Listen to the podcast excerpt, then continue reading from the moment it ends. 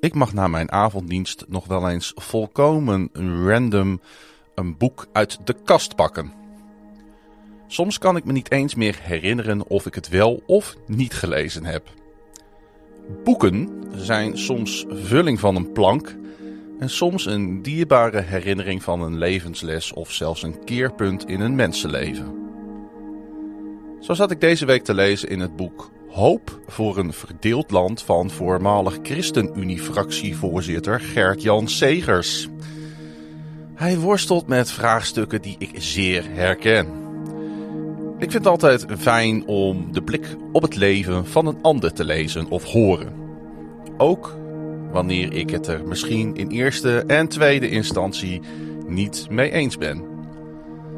En zelf ben ik in mijn nog jonge bestaan ook al regelmatig van mening veranderd.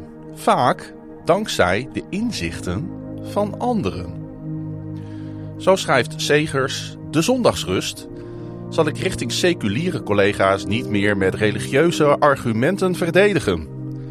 En de kerk heeft zich ook al aangepast op de mensen die gewoon moeten werken op zondag. Bijvoorbeeld met avonddiensten en podcasts die je kan beluisteren wanneer het jou uitkomt. Zoals deze.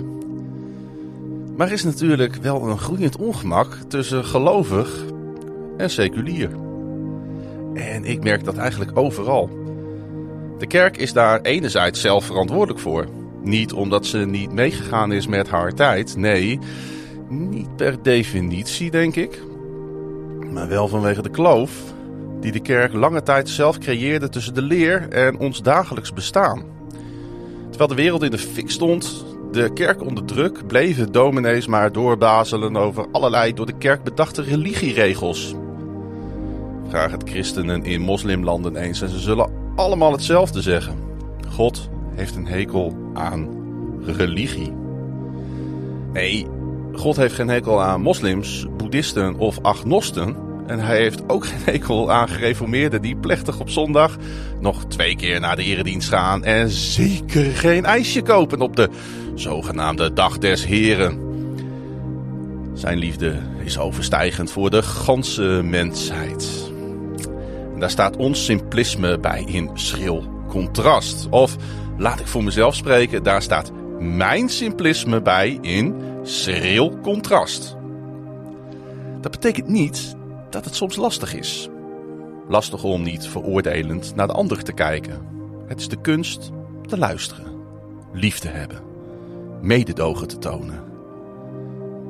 Ruim twintig jaar geleden was ik in Tel Aviv en logeerde ik bij een Arabisch gezin. Ik sprak met de man des huizes, ja, met de vrouw, dat mocht niet, over de basis van onze geloven. En er waren zoveel overeenkomsten. Maar toch ook dat grote verschil. Voor hem was Jezus niet de Zoon van God. Stierf Jezus niet aan een kruis. Stond Jezus niet op. De dood niet overwonnen. Heftig. En dat zijn nog de religieuze verschillen. We onderkenden ze, eh, gaven elkaar een kus op de wang, want dat doen ze daar nou eenmaal. En hebben ongetwijfeld voor elkaar gebeden. En dat zijn dan nog de twee grote wereldgeloven, eh, religies zo u wilt, tegenover elkaar. Dichter bij huis gaat de kerkstrijd ook door. En ik kijk er soms met verbazing naar, soms ook met pijn in mijn hart. En ik wil me ook niet te veel focussen op de verschillen. En als we dan nog verder inzoomen, dan komen we bij onze eigen gemeente uit. En daar is het al lastig genoeg om de eenheid te bewaren. Hoe kunnen we het van de wereld verwachten wanneer we zelf over elkaar heen buitelen? Ik zou zeggen, geef elkaar wat vaker een kus op de wang. Als ik het met een Arabische garagehouder uit Tel Aviv kon, dan moet het aan de Friese straatweg ook kunnen.